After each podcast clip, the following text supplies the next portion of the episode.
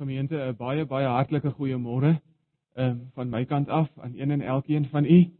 Ehm um, ek jok nie as ek vir u sê dat dit vir my regtig 'n groot voorreg en 'n vreugde is um, om vanoggend saam met u te kan wees en om saam met u te kan aanbid en om dan ook vir u uh, met die woord van die Here te bedien. Ehm um, dit is redelik gemaklik. Weet nie of dit so lyk nie. Ek was al eenmal hier. Ehm um, en u het my weer genooi. Eh uh, so miskien kan ek so 'n bietjie ontspan net vir 'n oomblik. Maar baie dankie vir die geleentheid en um, ook vir u as gemeente nogmaals sê dis my regtig spesiaal en ek koester dit om vanmôre saam met u te wees en dis werklik my gebed dat die Here in besonder sy woord in ons harte sal seën vanmôre en dat u iets sal verstaan van die wonderwaarheid wat ek graag vanmôre met u wil deel wat ek glo in die hart van die Here is wat u moet hoor en ook in my hart is en mag die Here vir my groot vrymoedigheid gee om sy woord vanmôre vir u um, te preek. Ons kon nie 'n meer gepaste lied gesing het as die lied waarmee ons afgesluit het nou net voordat um, Jakobus my aan die woord gestel het nie. Um, die lied die laaste vers het iets gesê van um, dat God die sondaar maak tot kind en dat sy beeld al hoe meer in ons gestalte moet vind. Weet jy, dis maar waaroor dit gaan vanmôre in hierdie boodskap wat ek met u wil deel. Ek gaan nou vir u so 'n bietjie meer vertel, maar um, as u u Bybel saamgebring het, Maak dit asseblief saam met my oop by Galasiërs hoofstuk 3. Ek wil vir u lees vers 26 ehm van hoofstuk 3 tot en met hoofstuk 4 vers 7. Ehm um, u is baie welkom Galasiërs 3 vers 26 ehm um, tot en met hoofstuk 4 daarby vers 7. En u volg saam met my en u is baie baie welkom um, om die Bybel oop te hou en saam met my soos wat die boodskap vorder ook te lees en te bestudeer en te kyk na wat die Here vir ons sê na aanleiding van hierdie spesifieke gedeelte. Galasiërs 3 is hier nog nie daar is nie. Ons gaan vers 26 begin by vers 26 en dan gaan ons lees tot en met hoofstuk 4 vers 7. Maar ehm um, kom ons doen net 'n gebed saam voordat ons lees uit die woord van die Here. Kom ons nader net in nederigheid tot hom en kom ons vra hom om ook sy woord in ons harte te seën. Kom ons bid net vir 'n oomblik saam.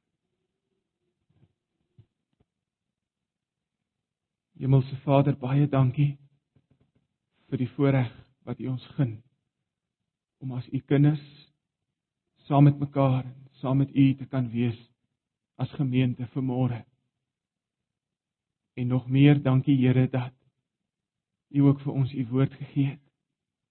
Baie dankie vir die Bybel wat ons het in 'n taal wat ons kan lees en verstaan.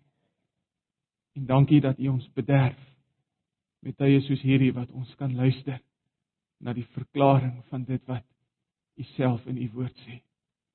En ons wil begin deur as gemeente te sê dat ons lief is vir U Here. En omdat ons lief is vir U, is ons ook lief vir die Bybel. En ons is dankbaar dat U tot ons spreek. Dat U met ons bemoeienis maak. En Vader, dit is my innige gebed dat U vir my sal help ter wille van U eie eer die verheerliking van u geliefde seun Jesus Christus om met groot vrymoedigheid vanmôre u woord met u kinders te deel. Ek Here is is bang dat ons dalk in 'n sekere sin vanoggend gekom het sonder 'n verwagting, sonder 'n besef waarmee ons besig raak. Ons is Sondag na Sondag, Here, meeste van ons in kerke en in dienste en ons luister na prediking Help ons net om te verstaan vandag dat ons nie besig raak met die versinsels van menslike gedagtes nie, maar dat U vanuit die hemel self vandag met ons wil praat na aanleiding van hierdie gedeelte. En dit is vir my 'n wonder, Here. Dis iets wat ek nie begryp nie, is iets wat ek nie kan verstaan nie, dat U in U grootheid ook bemoeienis maak met mense soos ons. Ag en Vader, ek bid werklik dat U aan Uself sal dink, aan die eer van U seun sal dink en sal spreek tot U gemeente en grafeer hierdie wonderwaarheid wat ons vanmôre by stil staan op die harte van elkeen van ons wat hierna luister. En mag ons huis toe gaan met die wete dat ons met die Here 'n ontmoeting gehad het. En ons is nie voorbarig, Here, ehm um, as ons vir U sê in groot nederigheid dat ons met niks minder tevrede sal wees nie. U is 'n lewende God en ons het vanmôre U woord in ons midde en U is saam met ons deur U Gees. So ons kan nie onveranderd, Here, uitgaan nie. Ons kan nie dieselfde bly nie. Dit mag nie so wees nie en ons pleit by U Here in groot opregtheid. Ons smeek vra, ons bedel as te ware dat U ons sal besoek deur die prediking van u woord. En gee vir ons vreugde en stig ons en bemoedig ons en bou ons op wanneer ons stil staan by hierdie wonderwaarheid dat God ons sy kinders gemaak het. Spreek Here, u gemeente luister. Help in die kansel, help in die bank en word verheerlik want dis u uiteindelik Here waaroor alles gaan. En doen dit dan vandag, dit wat ek gebid het ter wille van u self en ter wille van u seun Jesus Christus, die Here. Amen. Ek gaan vir u lees, u volg saam met my soos ek gesê het Galasiërs hoofstuk 3 en kom ons begin by vers 26. Ehm um, ek gaan gebruik wat in ons omgangstaal bekend staan as die ou vertaling en dit lees as volg. En ek wil net hê jy moet let op wat ek beklemtoon soos ek lees want dit gaan vir u help om te verstaan waaroor die boodskap gaan. Vers 26 begin en sê want julle is almal kinders van God. Daai's belangrik, kinders van God deur die geloof in Christus Jesus. Want julle almal wat in Christus gedoop is, het julle met Christus bekleed. Daar's nie meer Jood of Griek nie, daar's nie meer slaaf of vryman nie, daar's nie meer man of vrou nie. Julle is almal een in Christus Jesus. En as julle aan Christus behoort, dan is julle die nageslag van Abraham en volgens die belofte erfgename. Maar ek sê solank as die erfgenaam 'n kind is, verskil hy niks van 'n dienskneg nie, al is hy heer van alles. Maar hy staan onder voogte en bestuurders tot op die tyd tevore deur die Vader bepaal. En so was ons ook toe ons kinders was in diensbaarheid onder die eerste beginsels van die wêreld. Maar toe die volheid van die tyd gekom het, het God sy seun uitgestuur, gebore uit 'n vrou, gebore onder die wet, om die wat onder die wet was los te koop sodat ons die aanneming tot kinders kan ontvang. En omdat julle kinders is, het God die gees van sy seun in julle harte uitgestuur en hy roep Abba Vader. En daarom is jy nie meer dienskneg nie, maar kind. En as jy kind is, dan ook erfgenaam van God deur Christus. Ons lees net tot sover. En ek wil graag vanmôre met hierdie gedeelte as 'n basis saam met u stil staan by 'n baie spesifieke aspek van ons verlossing. En dit is by die hele gedagte en konsep dat God, kom ons luister nou, dat God ons aanneem as sy kinders. Hierdie is geweldig belangrik, iets wat ek glo die moeite werd is vir elke Christen om te snap en om te verstaan. Nou kom ek begin, dit is miskien belangrik vir my om u net attent te maak daarop as u nie daarvan bewus is nie, dat daar verskillende perspektiewe is wat die Bybel ons bied op dit wat die Here Jesus Christus vir ons gedoen het aan die kruis op Golgotha. Dat daar's meer as een perspektief waarna 'n mens kan kyk na die verlossing wat Jesus Christus vir ons bewerk het. En daardie perspektiewe, daardie fasette word deur die Bybel vir ons voorgehou na aanleiding van verskillende begrippe, verskillende terme, verskillende woorde wat die Bybel gebruik om vir ons te verduidelik of om vir ons te vertel wat Jesus vir ons bewerk het aan die kruis. Nou die maklikste om u te help verstaan vir my is om net vir u 'n paar voorbeelde te gee. 'n um, 'n baie bekende woord in die Bybel wat gebruik word om te beskryf wat Jesus vir ons aan die kruis gedoen het, is natuurlik die woord weergeboorte. U u ken dit. Dit is 'n baie algemene term en u sal ook so praat. Ehm um, dikwels as u aan u self dink as 'n Christen, dan sal u sê ek is iemand wat weergebore is. En ek weet dis net 'n algemene woord wat ons gebruik om te verwys na ons verlossing, maar as ons baie streng na die Bybel kyk, dan sal ons verstaan dat daardie woord weergeboorte laat val die klem spesifiek op die feit dat God aan ons nuwe lewe skenk. Dis mooi, dis belangrik, dis spesiaal. Die Bybel sê wanneer ons die Here nie ken nie, dan is ons dood, geestelik dood in ons misdade en in ons sonde. En wat gebeur wanneer ons 'n kind van die Here word? Is God skenk aan ons geboorte met respek gesê. Geboorte hou altyd verband met lewe en weergeboorte wat dit op neerkom is doodgewoon dat God ons geestelik lewend maak. En jy sien, dis een manier om te kyk na die kruis van Jesus Christus, na aanleiding van die perspektief van weergeboorte. 'n Ander begrip wat ons ken, is natuurlik die woord bekering.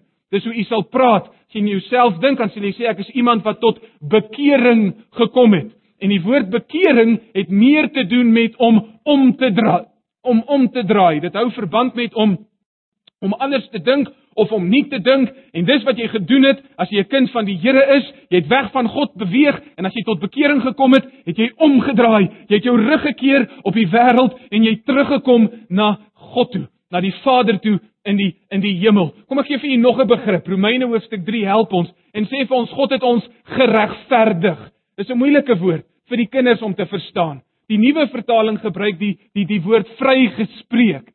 En as u daai term hoor, dan sal u verstaan dis 'n hofwoord. Dis 'n woord wat wat in 'n hof gebruik word en dit hou verband met om aangekla te word van iets, maar om dan onskuldig bevind te word. En dis wat die Bybel sê, Jesus Christus vir ons werk. Ons word geregverdig, ons word vrygespreek deur God vanweë ons eenheid met die Here Jesus Christus.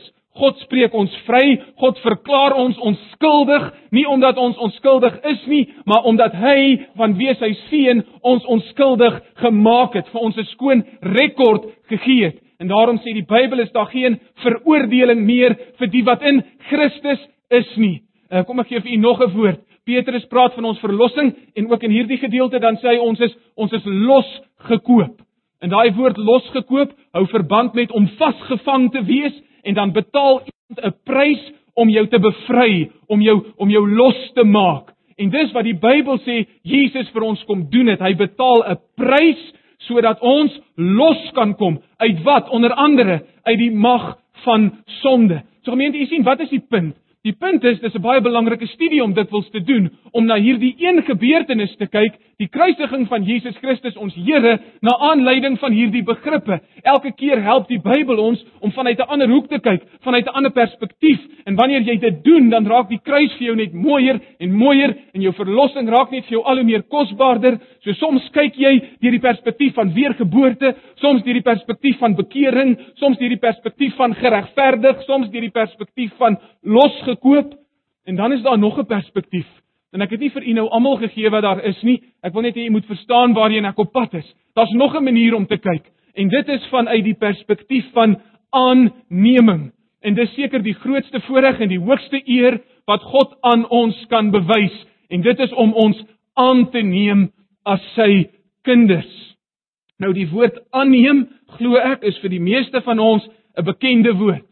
Dis nie moeilik om dit te verstaan nie. Dit verwys basies na om oorgedra te word van die een familie na die ander familie en wel op so 'n wyse dat jy volwaardig in elke opsig deel word van hierdie nuwe familie. Dis waaroor aanneming gaan. Jy behoort aan een gesin en dan word jy aangeneem en oorgedra in 'n nuwe gesin in of in 'n nuwe familie in en wel op so 'n wyse dat jy volwaardig deel is van hierdie nuwe huishouding. En gemeente luister, hierdie is baie belangrik vir my om vir u te sê vanmôre. Volgens die Bybel is dit dan ook presies die uiteindelike doel van Golgotha.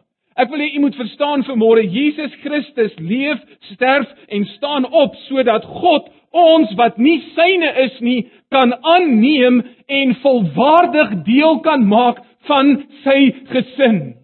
Dit was God se plan van die begin af gewees en die Bybel is hieroor baie duidelik. Net 'n paar verwysings as jy wil saamblaai as jy welkom, maar byvoorbeeld in Romeine hoofstuk 8, daarby vers 15, gaan nie vir u baie gee nie, net 'n paar. Daar sê die Bybel, kom ek lees vir u die nuwe vertaling, die gees wat aan julle gegee is, maak julle nie tot slawe nie en laat julle nie weer in vrees leef nie. Nee, julle het die gees ontvang, luister, wat julle tot kinders van God maak en wat ons tot God laat roep Abba. Jy sien dit was die plan, dit was die doel. God wil ons sy kinders hê. Hy wil ons inbring in sy gesin in hierdie heilige huishouding van God. Een van die mooiste verwysings wat my baie gehelp het in hierdie verband is daai baie bekende gedeelte in Romeine hoofstuk 8, daarby vers 28 en ook daarby vers 29. U ken dit dit dit dit sê en ons weet dat vir hulle wat God liefhet, alles ten goeie meewerk vir hulle wat na sy voorneme geroep is. En kom ons luister nou, want die wat hy van tevore geken het, het hy ook van tevore verordineer om gelykvormig te wees aan die beeld van sy seun. Hoekom? Sodat hier is die rede, hy, die Here Jesus, die eersgeborene kan wees onder baie broers. En jy het al baie gelees, maar gemeente besef jy wat dit beteken?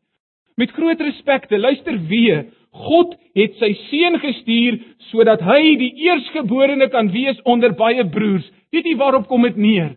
In beginsel doodgewoon net dit. God die Vader wil nog kinders hê. Dis waaroor dit gaan. Hy het reeds 'n seun, Jesus Christus is sy naam en nou sê die Bybel het God beplan en God stuur sy seun en sy seun gaan leef, sterf en opstaan. Hoekom? Sodat God sy gesin kan uitbrei, sodat God sy huishouding kan vergroot. Jesus Christus gaan die eerstgeborene wees. Hy is die oudste van almal, maar die doel van God is om sy huishouding te vermeerder. En dis waaroor dit gaan. God wil met groot respekte sy gesin uitbrei en dis wat hy doen wanneer hy mense red, wanneer hy ons aanneem as kinders. Hy gee vir sy seun nog broers en susters en hy verbreed die hemelse huishouding. En ek weet nie of u begin besef en of u begin verstaan en of u begin waardeer wat 'n wonderlike voorreg is dit om myself 'n kind van God te kan noem nie.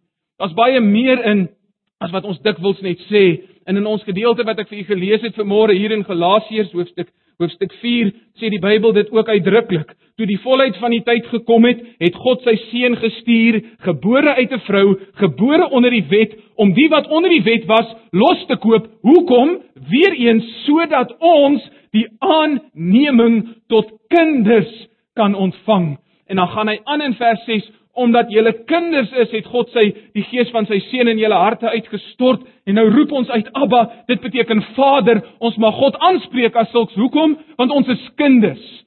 Jy sien, dis 'n voorreg wat ons deelagtig geword het en dan sê vers 7 dit. Daarom is jy nie meer 'n dienskneg nie. Christen, wat is jy volgens vers 7? Nie meer 'n dienskneg nie, maar wat? Kind. Kind van wie? Kind van God. Hoekom? Want hy het jou aangeneem. Hy het jou ingebring in sy huis gesin van die hemel. So ek hoop u kom saam met my by dit wat ek vanmôre met u wil deel. Ek wil hê u moet verstaan, God stuur sy seun, ons verlossing, Jesus Christus, die kruisiging, waaroor gaan dit? Hoekom kom doen Jesus wat hy doen? Weet u nie net sodat ons losgekoop kan word nie. Hy doen dit nie net sodat ons uit die mag van sonde kan kom nie. Jesus sterf nie net sodat ons ver, vergewe kan word nie. Hy sterf nie net sodat ons vrygespreek kan word nie. Hy sterf nie net sodat ons die weergeboorte deelagtig kan word nie, maar hy sterf sodat ons uiteindelik syne kan word.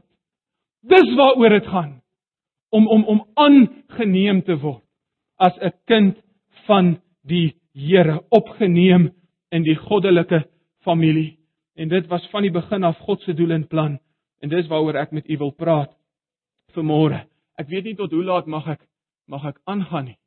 Ehm um, weet nie of ek weer gaan terugkom nie, maar gaan probeer. Ehm um, as u net saam met my vir 'n oomblik sal verdra, ek sal nie onnodig u tyd mors in hierdie spesifieke verband nie. Daar daar's daar's 'n enkele aspekte van hierdie waarheid, hierdie aannemingswaarheid waaroor ek met u wil deel vanmôre. Miskien 5, maar hoofsaaklik 4 dinge, kom ons noem dit 4 skatte aangaande hierdie waarheid wat ek saam met u in die woord van die Here wil gaan vind vanmôre. So ons praat oor aanneming, dat ons kinders van God is, dat dit die doel was van die kruis uiteindelik en daar's vier dinge aangaande hierdie waarheid wat ek aan u wil beklemtoon. So kom ons begin deur in die eerste plek saam te kyk na wat ek noem die universele noodsaaklikheid daarvan. Nou dis maar net 'n woord wat ons gebruik om ons slim te laat klink en al wat ons hierby bedoel as ons praat van universele noodsaaklikheid, dan bedoel ons dat om aangeneem te word as as 'n kind van God iets is wat vir alle mense noodsaaklik is. Ons bedoel doodgewoon daarby dat daar niemand is wat nie aanneming tot kindskap deur God benodig nie. En dit is geweldig belangrik vir my om dit vanmôre aan u duidelik te maak. En as daar iemand is wat sou vra, nou waarom is dit noodsaaklik? Hoekom is dit nodig vir alle mense sonder enige uitsondering om aangeneem te word deur God? Weet jy dan antwoord die Bybel deur te sê dit is omrede niemand en dit bedoel niemand soos 'n niemand van selfsprekend of van nature deel is van God se familie nie. Niemand gemeente kom hierdie wêreld in van selfsprekend as deel van God se gesin nie. Jy's welkom om te verskil as u wil, maar die Bybel vir my is hieroor baie duidelik. Veral in die Nuwe Testament leer dit vir ons dat ons as mens van nature inteendeel deel is van die Satan se familie. 'n Deel is van die wêreld se familie, 'n deel is van die sonde se familie. Gemeente volgens die Bybel staan die mens van nature in onguns en in vyandskap met God. Ons kom hierdie wêreld in verwyderd van die Here en dit is wat die Bybel leer. Dis waar vir almal en daarom het almal nodig om aangeneem te word deur God. Ek kan een verwysing met u deel, as u nie omgee nie. Een van die bekendste gedeeltes in hierdie verband is Efesiërs hoofstuk 2, daardie eerste 3 verse. Mens kan nie hierby verbykom nie. Jy kan nie loskom nie. Jy kan jou nie misgis nie. In daai eerste 3, 4 verse skryf Paulus oor ons toestand voor ons bekering, waar ons was, wat ons beheer het, wat ons gerig het, wat ons gelei het. En dit klink so. Hy sê en julle het hy lewend gemaak wat dood was deur die misdade en die sonde waarin julle tevore gewandel het. Bedoelende in die sonde gewandel het, volgens die loop van hierdie wêreld, volgens die owerste van die mag van die lig, van die gees wat nou in die kinders van ongehoorsaamheid werk, onder wie ons almal ook vroeër gewandel het. Ons het gewandel in die begeerlikheid van ons vlees, toe ons die wil van die vlees en van die sinne gedoen het. Wat sê dit gemeente? Dit bedoel doodgewoon dat wanneer ons verwyderd is van die Here, ongered, ongelowig, dan staan ons onder beheer van die sonde en van die bose en ons is nie van nature deel van hierdie huishouding nie. En luister hoe eindig vers 3 en ons was van nature kinders van die toren, net soos ook die ander. En daarmee kan jy jou nie misgis nie. Wat is ons van nature? Kinders van God? Nee, dis nie wat dit sê nie. Dit sê ons is van nature kinders van die toren. En jy sal onthou dat Jesus by geleentheid ook vir mense gesê het in Johannes 8 daarby vers 44 dat hulle die duiwel as vader het. Onthou u dit? En die wil van julle Vader doen julle. Dit was die Here Jesus Christus self se woorde. So u sien ons moet verstaan vanmôre dat ons nie van selfsprekend kinders van die Here is nie. En dit beteken net so terloops dat nie alle mense die voorreg het om God Vader te noem nie. U sien vaderskap of die aanspreek van vader is 'n geboortereg. Slegs wanneer jy in die gesin is, slegs wanneer jy iemand se kind is, kan jy daardie iemand vader noem. En dis nie iets wat almal te beurt val nie. Dis nie 'n voorreg wat almal net doodgewoon geniet nie. Inteendeel, die Bybel sê mos in vers 3 dat ons van nature kinders van die toren is. En sal jy my kwaliek neem vanmôre as ek vir u sê dat dit waar is vir almal, selfs al het jy in 'n Christelike huis groot geword? Jy moenie dink omdat jou ma 'n Christen is en omdat jou pa 'n Christen is en omdat ouma 'n Christen is en oupa 'n Christen is, dat jy noodwendig ook 'n Christen of 'n kind van die Here is, outomaties van selfsprekend nie. Met groot respek gesê gemeente, dit beteken nie as jy in 'n bakkery gebore word dat jy 'n chocolate koek is nie. OK? En ons maak hierdie fout dikwels. Ons lei maar net af en ons neem maar net aan dis hoe dit moet wees. Maar gemeente, dis nie wat dit sê nie. Die Bybel sê die teendeel. Ek wil hê u moet verstaan dat niemand van ons is van nature deel van God se familie nie. En u sien die enigste manier uit die aard van die saak dan vir enige iemand om deel te word van God se huisgesin is deur wat? Deur aanneming. Jy kom hierdie wêreld in, jy behoort aan 'n ander gesin, 'n ander familie en wat jy nodig het, elkeen van ons, is om oorgedra te word in die familie van die Here in. En as jy God se kind is, wil ek jy moet verstaan vanmôre dat dit iets is wat die Here vir jou gedoen het. Dit is belangrik vir my om dit vir u te beklemtoon. God het jou aangeneem.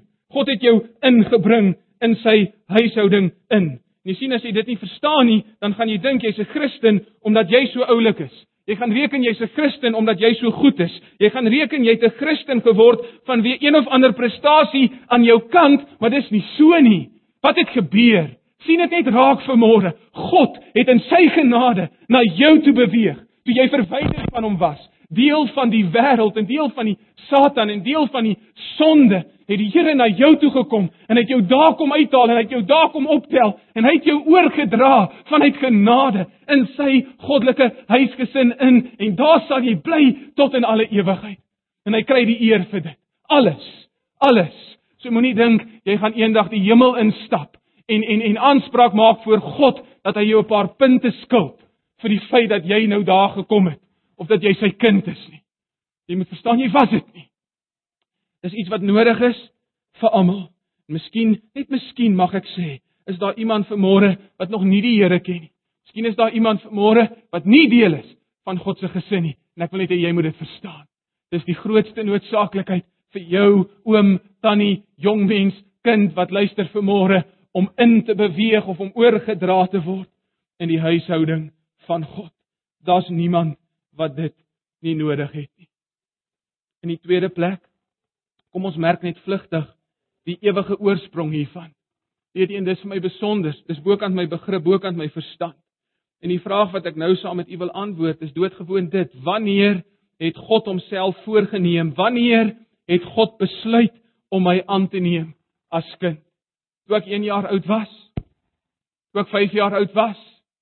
Toe ek 10 jaar oud was? Toe ek 20 jaar oud was? Wanneer het God dit in sy beplanning gehad om my deel te maak van hierdie heilige huishouding? Weet jy ons hoef nie hieroor te wonder nie. Die Bybel is hieroor duidelik in Efesiërs, daar in hoofstuk 1, daardie eerste 5 verse sê dit baie uitdruklik. Begin in vers 3 as dit sê geseënd is die God en Vader van ons Here Jesus Christus wat ons geseën het met alle geestelike seënings in die hemel in Christus, soos hy ons in hom uitverkies het voor die grondlegging van die wêreld om heilig en sonder gebrek voor hom in liefde te wees deurdat hy ons voorbeskik het om ons as sy kinders vir homself aan te neem deur Jesus Christus na die welbehae van sy wil. Luister gou na die ander vertaling. So het hy nog voordat die wêreld geskep is, ons in Christus uitverkies om heilig en onberispelik voor hom te wees. In sy liefde het hy ons volgens sy genadige beskikking toe ook al. Wat bedoel toe ook al? Terug na vers 4 toe. Nog voor die grondlegging van die wêreld bestem om deur Jesus Christus sy kinders te wees.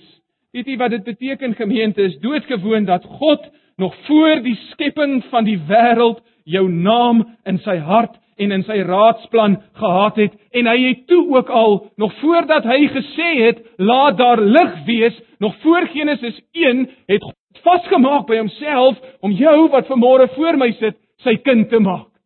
Dis wat dit sê. Kom nie van gister af nie, dit kom nie van eergister af nie. Dit kom van voor die grondlegging van die wêreld af. Mense kan dieselfde afleiding maak uit Petrus se brief uit. As hy in 1 Petrus hoofstuk 1 vers 17 tot en met vers 20 hieroor skryf, sê hy vir die gelowiges sê, julle weet, julle is nie losgekoop met verganklike goed soos goud of silwer nie, julle is losgekoop met die kosbare bloed van Jesus Christus. Luister gou, reeds voor die skepping van die wêreld is hy hier voor bestem. Dis wat dit sê.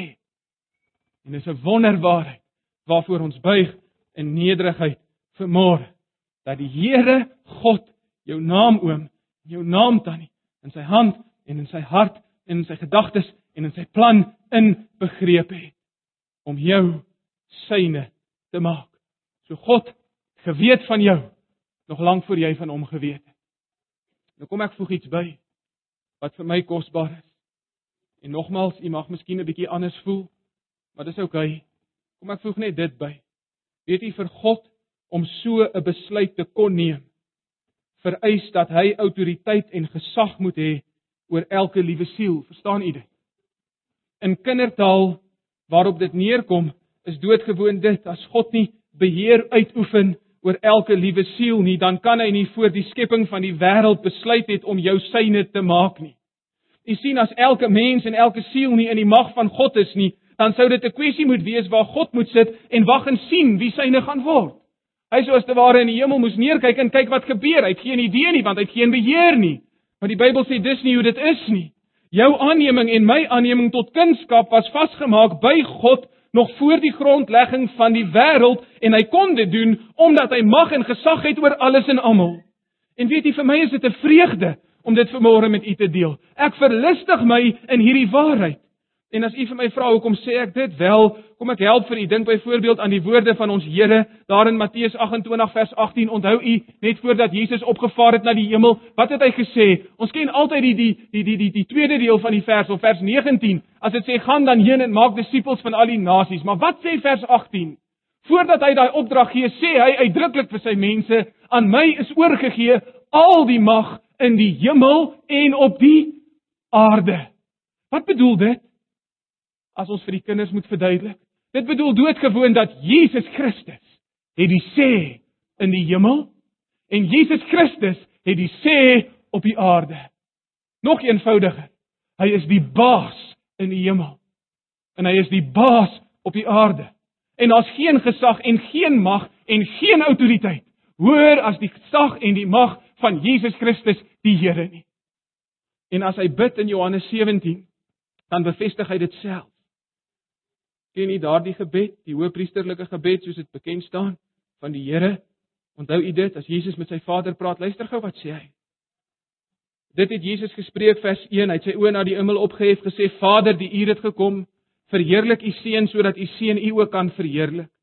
En hoor hier, soos u hom mag oor alle vlees gegee.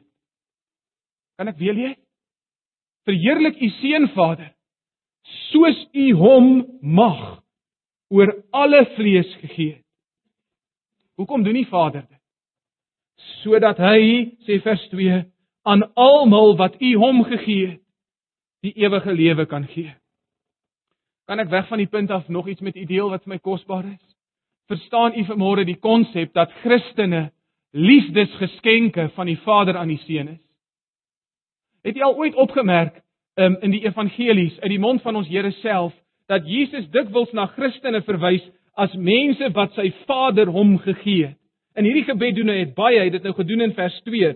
Byvoorbeeld in vers 6 praat hy van mense wat aan die Vader behoort en dan sê vers 6 en u het hulle aan my gegee. En hy doen dit weer in vers 9. Ek bid vir hulle, ek bid nie vir die wêreld nie, maar vir die wat u my gegee het. En hy doen dit weer in vers 11 en in vers 12. As ek maar net vir u mag lees. Ek is nie meer in die wêreld nie, hulle is in die wêreld. Ek kom na u toe. Heilige Vader, bewaar in u naam die wat u my gegee het. En toe ek saam met hulle in die wêreld was, het ek hulle in u naam bewaar oor die wat u my gegee het. Het ek gewaak en nie een van hulle het verlore gegaan nie. Gemeente gaan kyk daarna. Keer op keer op keer verwys Jesus na ons as mense wat sy Vader vir hom gegee het. Weet jy wat bedoel dit? Ek het nie tyd vir môre om dit heeltemal saam met u uit te werk nie, maar dit kom doodgewoon deur op die volgende. Die Vader het nog voor die grondlegging van die wêreld na sy seun toe gekom en vir die Here Jesus Christus in beginsel in kindertaal soos ek dit verstaan gesê: "My seun, ek is lief vir jou. En jy is geweldig waardig, my seun. En omdat ek jou liefhet, gaan ek vir jou 'n wêreld skep. En my seun, ek gaan vir jou mense maak. En ek gaan hierdie mense as geskenke vir jou gee, my seun en ek gaan daai mense maak soos jy. En hulle gaan jou glorie weerspieël. En hulle gaan jou heerlikheid weerspieël. En hulle gaan jou majesteit weerspieël. En hulle gaan jou aanbid my seun tot in alle ewigheid want jy verdien dit en jy is dit werd. En ek gaan dit alles doen vir jou. En nou verstaan jy vanmôre dat hierdie hele wêreld en hierdie hele skepping gaan net oor een persoon en dit is Jesus Christus. En oor niemand anders nie. En oor sy eer en oor sy verheerliking en dis hoekom ons bestaan en dis hoekom ons gered is Dis wat Romeine 8 sê, hy het ons bestem om gelykvormig te wees aan die beeld van sy seun. Wat bedoel dit? Dat God ons bedoel het om te lyk soos Jesus lyk. En dis alles vanuit die hand van die Vader aan die seun. Jy sien, dit klink 'n bietjie anders, nê, nee, as hierdie tipe godsdiens wat als net oor jou gaan. Nou kom jy eintlik agter vanmôre dit gaan als oor die Here Jesus.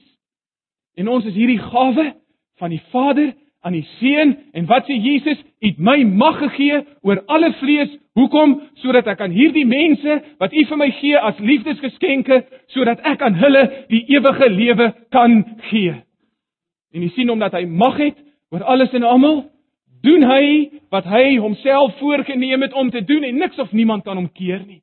En hier sit u vanmôre en u is 'n produk daarvan van hierdie ewige raadsplan van God wat nog voor die grondlegging van die wêreld homself voorgenem het om jou syne te maak. So daar's twee dinge. Ons het nou gekyk na die noodsaaklikheid daarvan. Almal het dit nodig. Daar's niemand wat dit nie nodig het nie. Ons verstaan dat dit kom nie van gister af nie. Dis 'n groot waarheid. Dit kom van ewigheid af. Kom ons kyk net in die derde plek na die basis waarop dit plaasvind. En hierdie is net so belangrik gemeente want u sien vir my om aangeneem te word deur God kom teen 'n prys vir God. Ons moet hoor en verstaan vanmôre dat dit nie sommer net 'n saak of 'n kwessie is vir aanneem nie gemeente. God is 'n heilige God. En jy moet jouself die vraag afvra: Hoe word dit moontlik vir so 'n God om iemand soos ek aan te neem, op te neem, deel van sy familie te maak? Op grond waarvan doen die Here dit? Die Bybel antwoord in die gedeelte wat ek vir julle gelees het. Ook in Efesiërs 1 net vinnig, daarby vers 5 as hy sê deurdat hy ons voorbeskik het om ons as kinders vir homself aan te neem. Luister nou, hoe doen hy dit? Deur Jesus Christus na die welbehae van sy wil. Met ander woorde, hierdie aanneming van God van ons geskied op grond van die Here Jesus Christus. En Paulus bevestig dit in hierdie gedeelte in Galasiërs 4 daar in vers 4 en ook in vers 5. Luister wat hy sê, toe die volheid van die tyd gekom het, het God sy seun uitgestuur, gebore uit 'n vrou, gebore onder die wet, om die wat onder die wet was los te koop, sodat ons die aanneming tot kindskap kan ontvang. En wat hierdie verse op neerkom gemeente is eenvoudiglik net dit: God stuur sy seun en op grond van wie sy seun is en op grond van wat sy seun doen, word ek aangeneem en opgeneem in die huishouding van die Here. So jy sien, met ander woorde, dis nie wie ek is wat dit vir my wat dit vir God moontlik maak om my aan te neem nie. Dis wie Jesus is wat dit moontlik maak. Dis nie wat ek doen wat dit vir God moontlik maak om my aan te neem nie. Dit is wat die Here Jesus doen wat dit vir God moontlik maak om my deel te maak van hierdie heilige huishouding. En ek wil net weer vir u beklemtoon. Let net mooi op hoe Paulus beide fasette van ons verlossing uitlig in hierdie verband. Weer terug in vers 4 en ook in vers 5. Hy sê toe die volheid van die tyd gekom het, het God sy seun gestuur, gebore uit 'n vrou, gebore onder die wet. Nou nou nou dis 'n verwysing onder andere na die Here Jesus Christus se lewe en in besonder sy volkomme volmaaktheid. Christen, luister mooi wat ek vir u sê vanmôre. En ek wil dit met respek sê en ek wil nie u moet my verkeerd verstaan nie. Maar in 'n sekere sin het ons vandag in die evangeliese kerk 'n belangrike deel van ons verlossing onder beklemtoon. Wanneer ons praat van redding, wanneer ons praat van weergeboorte, waarop fokus ons altyd? Op die kruis. Ons fokus op die dood van die Here Jesus Christus. En weet jy, dis reg. Ons moet dit doen. Ons kan nie gered word sonder sy dood nie. Maar ek wil hê jy moet hoor wat ek vir julle sê vanmôre. Ons kan ook nie gered word sonder sy lewe nie. Sien met my? Jesus sterf nie net vir jou nie. Hy leef ook vir jou. Hy sterf nie net in jou plek nie. Hy het ook in jou plek kom leef. En dit is geweldig belangrik want die Bybel sê dis daai rein lewe, daai skoon lewe van die Here Jesus Christus wat God aan ons toereken. En nadat hy in ons plek volmaak geleef het, gaan dra hy die straf vir ons sonde aan die kruis. En dis wat Paulus hier sê. As hy praat van die feit dat hy gebore was uit 'n vrou, bedoelende volkomme mens, net soos ons, geen verskil nie. En dan onder die wet, bedoelende hy het in elke opsig die wet van God onderhou. En dis hoekom ek beïndruk is onder andere met Jesus Christus die Here. Want daar was nog nooit voor hom en nog nooit na hom iemand wat God se wet so volmaak kon hou nie.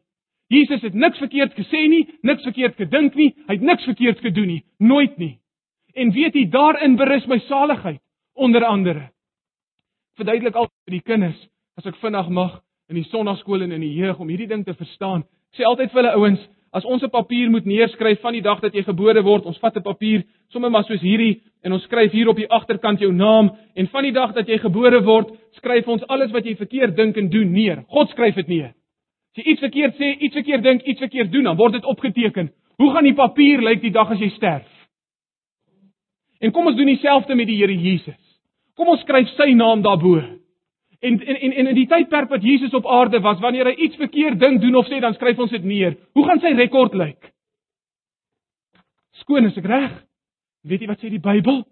Wanneer ons aan hom glo, dan reken God aan ons die rekord van die Here Jesus toe.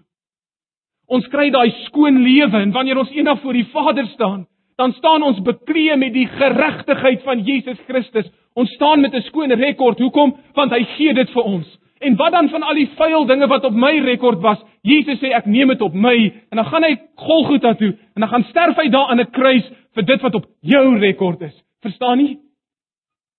So, hierdie hierdie aanneming staan op op twee bene. Nommer 1, die lewe van Jesus. Hy leef in my plek. En nommer 2, hy sterf in my plek. Vers 5, om die wat onder die wet was los te koop. En dit verwys na wat hy aan die kruis gaan doen. Hy betaal die prys en hy moet dit betaal gemeente want God is 'n regverdige God. God is nie soos ek en jy wat net oë toeknyp en wegkyk van sonde af nie. God se karakter dwing hom om sonde te straf en in die persoon van Jesus Christus kom God self en dra hy daardie straf.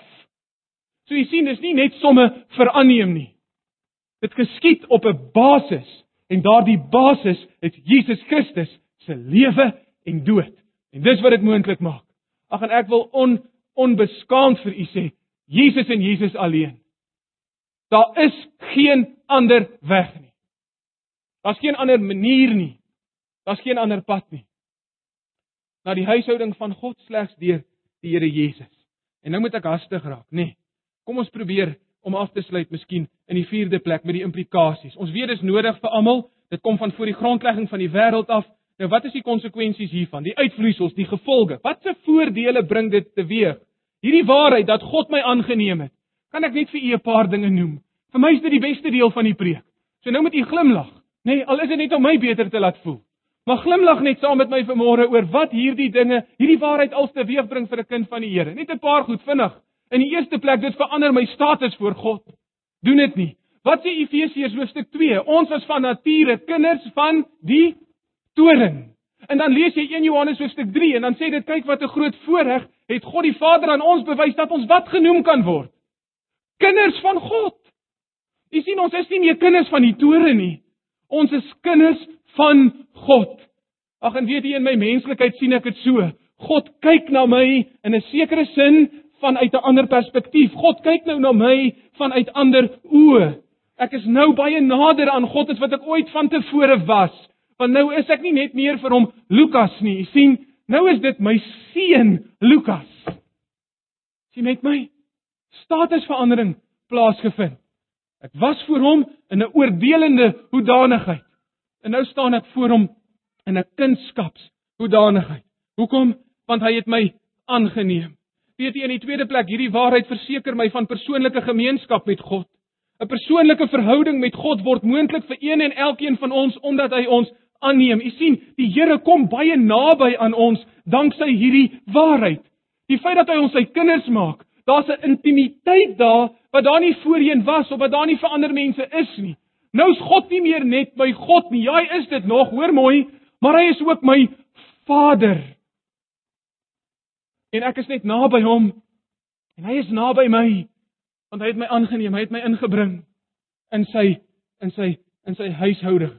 En ek gaan net nou meer hieroor sê. Ek is welkom in sy teenwoordigheid. Weet jy, ek pla hom nooit. Hoekom? Want hy het my vader geword omdat hy my aangeneem het. Miskien die beste een van die klomp. Weet jy, hierdie waarheid verseker my van die maksimale en onveranderlike liefde van die Here. Ag en hierdie moet jou bemoedig. Dit moet, dit kan nie anders nie. Ek het 'n vraag vir jou vanmôre, oom en tannie. Hoe lief het die Here jou? Hoe lief het God jou? Wil u dit hoor? Jesus praat hier oor oor sy liefde vir sy mense. En dit kan nie anders nie want hy het ons aangeneem. In in Johannes hoofstuk 13, net daai eerste vers, u moet dit miskien merk as u dit wil gaan lees by geleentheid. En ons gaan ook hoofstuk 17 lees, maar luister net gou Johannes hoofstuk 13. Daar sê die Bybel die volgende: Voor die viering van die Paasfees het Jesus reeds geweet dat die tyd gekom het vir hom om van hierdie wêreld af na die Vader oor te gaan. Hy het sy eie mense wat in die wêreld is, liefgehad. Luister gou, hy het hulle tot die uiterste toe lief gehad. Ons kan dit ook vertaal tot die maksimum toe. Nou hier is die vraag wat ek vir jou wil vra vanmôre. Jy sê Willem, hoe lief het God my? Ek het 'n teenvraag. Antwoord u vir my vanmôre. Hoe lief kan 'n God wat self liefde is, iemand hê? Die Bybel sê God is liefde. Hy is die definisie van liefde. Nou, hoe lief is daardie God in staat om te hê? Hoe groot is die kapasiteit van God se liefde? Want dis hoe lief hy jou het. Dis nie verkeerd vir my om vanmôre vir die Antipas gemeente en kinders van die Here te sê, God kan jou nie liewer hê as wat hy jou vanmôre het nie. Want hy het jou reeds tot die maksimum toe lief. Dis wat die Bybel sê. En Jesus as hy hieroor bid, weet jy toe ek hierdeur preek en dit my tref, toe besef ek, Here, ek het nie 'n idee nie. Daar en daar die hoëpriesterlike gebed van hom in Johannes 17. In vers 23 sê hy iets, dis so half amper terloops, 'n mens mis dit amper. Maar maar hy sê hy bid vir sy mense, hy sê ek in hulle en u in my, hy bid oor hulle eenheid sodat hulle volkome een kan wees en die wêreld kan weet dat u my gestuur het. Hy praat van ons, luister gou. En hulle Vader liefgehad het. Die wêreld kan weet dat u my gestuur het en hulle liefgehad het net soos u my liefgehad het. Hoe lief het die Vader sy seun Jesus Christus? Jy moet net vir 'n oomblik saam met my dink vandag van wat daai vers sê is dat hy jou net so liefhet. Hy het jou lief soos wat hy sy eie seun liefhet. En jy sal dink maar hy moet Jesus liewer hê as wat hy vir my het. Maar dit sê hy het hulle lief net soos wat u my liefgehad. Kan ek jou nog iets vertel? Daai liefde van God vir jou verander nooit. Besef jy dit? Wat sê Romeine 8 onder andere? Niks kan ons skei van die liefde wat God vir ons het in Christus Jesus nie. En ek sê dit vanmôre as prins met die oog op die presteergedrewe Christene wat hier sit. Jy weet mos wat is daai presteergedrewe mentaliteit wat 'n mens mos beetpak as jy 'n kind van die Here is. Jy verslaap die oggend en dan gaan jy werk toe en dan voel jy geestelik bedruk en depressief en bedroef. En dan redeneer jy by jouself af, wel, ek dink nie die Here het my lief vandag soos wat hy my gister lief gehad het nie, want ek het nou vanmôre 5 minute van my stilte tyd ingeboet want ek het verslaap. Of jy reken by jouself, Here, U het my seker nie meer vandag so lief soos gister nie, want ek het 'n geleentheid gemis om te getuig teenoor iemand. Ek kon gepraat het van U en ek het nie. So nou is U liefde seker vir my bietjie minder. Christen, nooit. Nee. Hy het jou altyd lief tot die volle kapasiteit van sy liefde toe en dis hoe dit bly en dit verander nooit. En al struikel jy en al val jy en al ster jy om te leer, dan bly sy liefde dieselfde. Weet jy hoekom? Want hy's 'n goeie pa. En ek sien so baie kinders vanmôre en en babas en ek is baie dankbaar want gewoonlik is my ou dogtertjie die stoutste een in die kerk. Maar weet jy, jy weet mos as jy ouer is hoe dit is. Niks wat jou kind doen raak jou liefde nie. Is ek reg? Jy's nie liewer vir sussie as hy huis toe kom en sy 80% gekry as wanneer sy huis toe kom en sy 60% gekry nie. En jy's nie liewer vir Boetie wanneer hy 2 3 gedruk het en minder lief vir hom wanneer hy geen 3 gedruk het nie. En ons het 'n Vader in die hemel wat ons liefhet tot die maksimum toe altyd. Hoekom? Want hy het ons aangeneem. Kan ek nog 'n ding sê? Hierdie waarheid verseker my van God se versorging. U ken mos daardie gedeelte in die Bybel, die tyd laat my nie toe om dit te lees nie, maar God sê moenie julle nie kwel oor julle lewe, wat julle sal eet, wat julle sal drink, wat julle sal aantrek nie. Wat is die basis vir dit? Ja, en God sê kyk na die voëls en kyk na die lelies. Maar hoekom moet ons nie bekommerd wees nie, gemeente? Weet jy hoekom nie? Want hy het ons aangeneem. En die punt is dit. Luister mooi, God het homself onder 'n versorgingsverpligting geplaas teenoor ons. Ons kan God nooit enige iets verplig nie, maar die feit dat hy ons sy kinders gemaak het uit vrye wil, uit genade uit, bring teweeg dat hy verplig is om vir ons te sorg. Hoekom? Want hy's 'n goeie vader. En sê vir my, wat doen 'n goeie pa? Hy sorg vir sy kinders. En u kan reken vanmôre op die versorging en op die vertroosting en op die hulp en op die bystand van jou Vader wat in die hemel is. Weet jy hoekom? Omdat hy jou Vader is en jy is sy kind. sien? Jy sien hierdie waarheid verander alles. Dit verseker my van God se dissipline. Hebreërs 12. Nou word ek deur God getuigtig. Christen, verskil met my vanmôre. Maar ek hou nie meer daarvan om te praat van die feit dat God my straf nie. Straf is iets anders. Straf is iets wat 'n regter uitdeel en straf van God is iets wat Jesus in my plek gedra het. Tugtiging, dis iets wat 'n pa uitdeel. Dis iets wat 'n vader gee in liefde. En omdat ek sy kind is, sal hy nie toelaat dat ek uit sy wil beweeg of sal hy nie toelaat dat ek iets word wat hom nie behaag nie. Hy sal my vorm, hy sal my giet, hy sal my maak om te lyk soos wat Jesus lyk en al moet hy my tugtig vir my eie beswil sal hy dit doen en ek's bly daaroor. Hoeveel van u wat vanmôre hier sit is dankbaar jou ouers het jou getugtig? En hierdie waarheid verseker ons daarvan. Kan ek net nog 'n paar noem vinnig? Dit gee my vrymoedigheid in God se teenwoordigheid. Jy weet jy pla die Here nooit, Christen. Dis al wat ek vir u wil sê, gemeente. Jy's altyd by hom welkom. Jy kan altyd na hom toe gaan. Jy hoef nooit te huiwer nie. Jy weet mos partymal hoe dit voel as jy by mense se huis opdaag en jy het nie gebel nie en jy het nie 'n afspraak gemaak nie en as jy klop en hulle maak daai deur oop dan weet jy, oeps. Ek is eintlik nie veronderstel om nou hier te wees nie. En dan voel jy ongemaklik en dan bly jy 5 minute en dan gaan jy huis toe. Dit werk nooit so in die in die in die troonsaal van die hemel nie. Nooit. Want jy sy kind sien.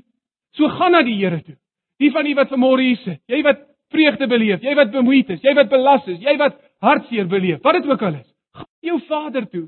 Moenie terughou nie, moenie huiwer nie, gaan enige tyd, gaan met vrymoedigheid, want hy het jou aangeneem en jy is sy kind.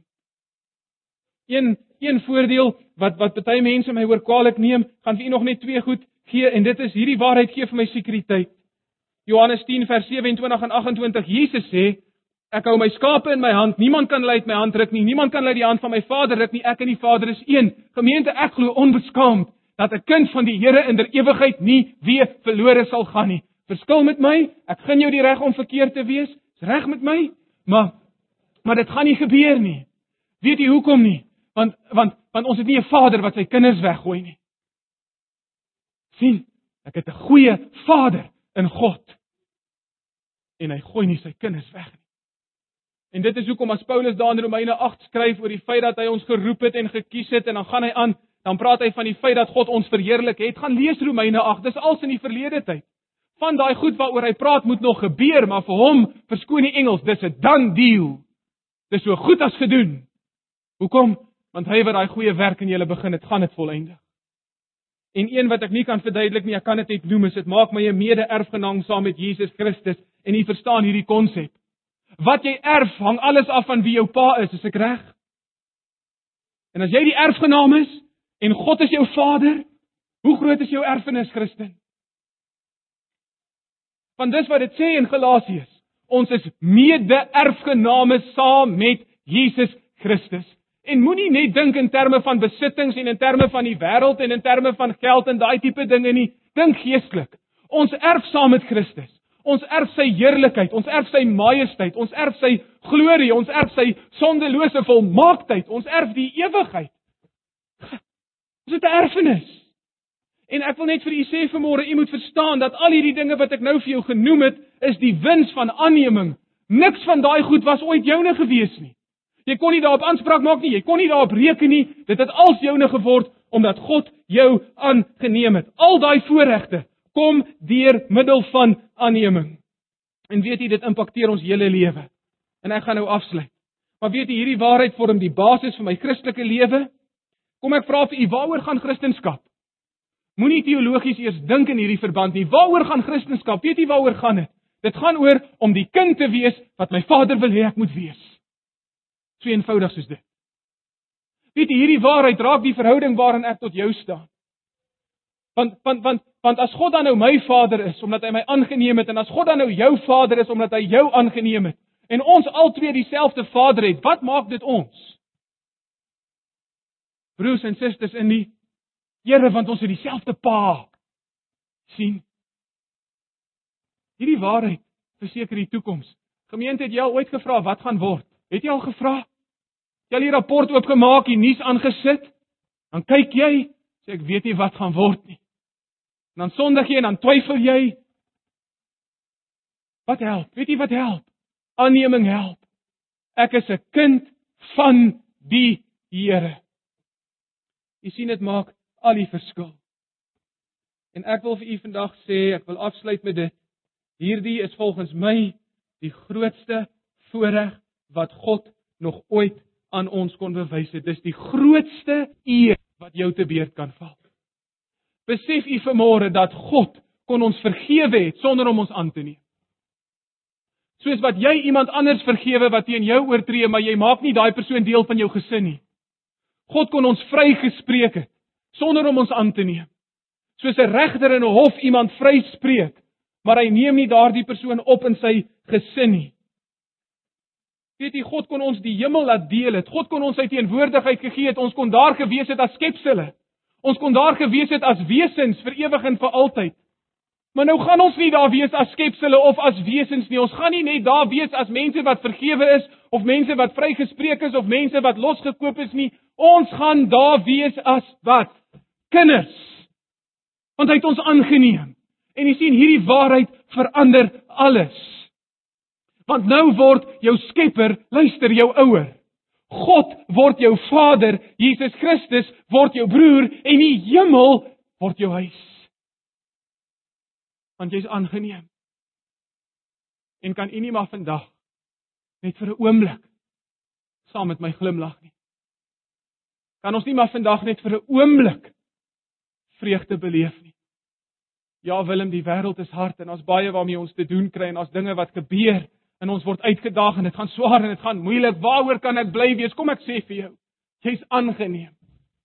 Jy's aangeneem deur God. En jy het in hom 'n Vader. So moet nooit weer as jy bid sê Hemelse Vader ligtelik nie. Moet nooit weer sê ek is 'n kind van die Here ligtelik nie. Hy het jou aangeneem. Hy het jou aangeneem. En vandag is jy 'n kind van die Here. Mag dit vir u geweldig baie beteken om na die kruis en na jou verlossing te kyk deur die oë van aanneming. Kom ons bid saam. Here Wat sal ek vanmôre sê? Ek is geweldig saam met hierdie gemeente dankbaar en ek is baie beïndruk met wie u is en met wat u gedoen het. Dat u u seun stuur.